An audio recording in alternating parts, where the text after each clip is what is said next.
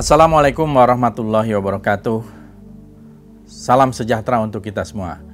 Saudara-saudara, tanggal 15 Desember 2020, Indonesia Lawyers Club yang dipimpin oleh Bang Karni Ilyas, seorang wartawan senior, tiba-tiba dinyatakan sebagai ILC yang terakhir atau dicuti panjangkan yang kita tidak tahu sampai kapan, mungkin juga selamanya.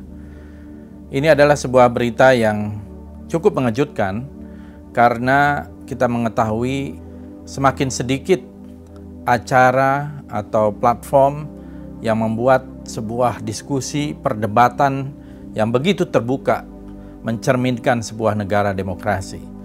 ILC yang dipimpin oleh Bang Karni Ilyas adalah salah satu acara yang menurut saya memberi ruang kebebasan untuk berdiskusi, berdialog, bahkan berdebat yang cukup sengit tentang berbagai isu-isu aktual, baik di bidang hukum, di bidang politik, di bidang sosial, bidang budaya, dan bidang-bidang lainnya. Dan sejak tahun 2008, mulanya Jakarta Lawyers Club dan kemudian menjadi Indonesia Lawyers Club, acara ini menurut saya telah ikut berpartisipasi mempunyai andil dan jasa di dalam mengawal demokrasi kita. Dan tentu saja berita ini adalah sebuah berita yang mengejutkan sekaligus menyedihkan. Kabar buruk bagi demokrasi kita.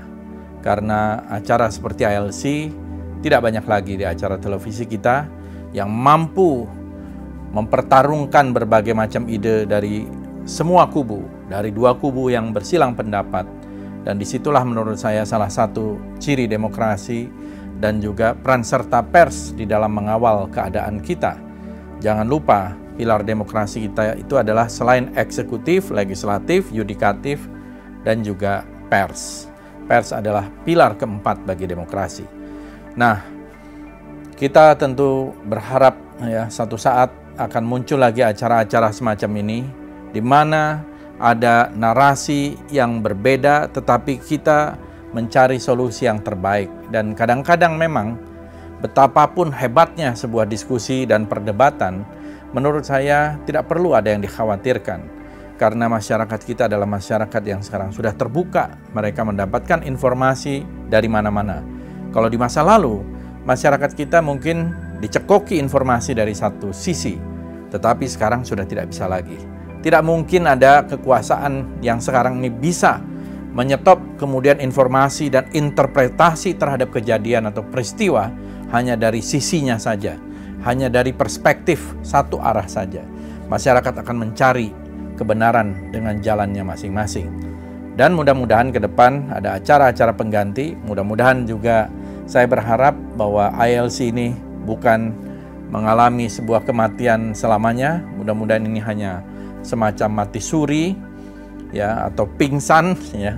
Karena berbagai alasan saya tidak tahu ya. Tetapi yang saya dengar-dengar dari berbagai pihak ada semacam indirect pressure atau satu tekanan yang tidak langsung ya. Walaupun Bang Karnilias tentu tidak akan mengatakan ada hal-hal yang di luar itu. Tetapi menurut saya ini pasti selalu ada kaitannya dengan berbagai macam invisible hand tangan-tangan yang tidak terlihat karena beberapa kali pengalaman saya sebagai salah seorang narasumber yang cukup sering juga diundang oleh ILC, tiba-tiba setelah dihubungi, tiba-tiba setelah confirm, tiba-tiba saja acaranya dibatalkan secara mendadak. Dan uh, acara itu biasanya yang judulnya sangat sensitif atau temanya sangat sensitif dan ada pihak-pihak yang tidak menginginkan tema ini diangkat ke permukaan sehingga halayak masyarakat umum bisa mengetahui apa yang sesungguhnya terjadi. Saya turut berduka cita yang sedalam-dalamnya atas kematian ILC in memoriam ya mudah-mudahan ILC bisa bangkit kembali masa yang akan datang atau di dalam bentuk yang lain. Terima kasih. Wassalamualaikum warahmatullahi wabarakatuh.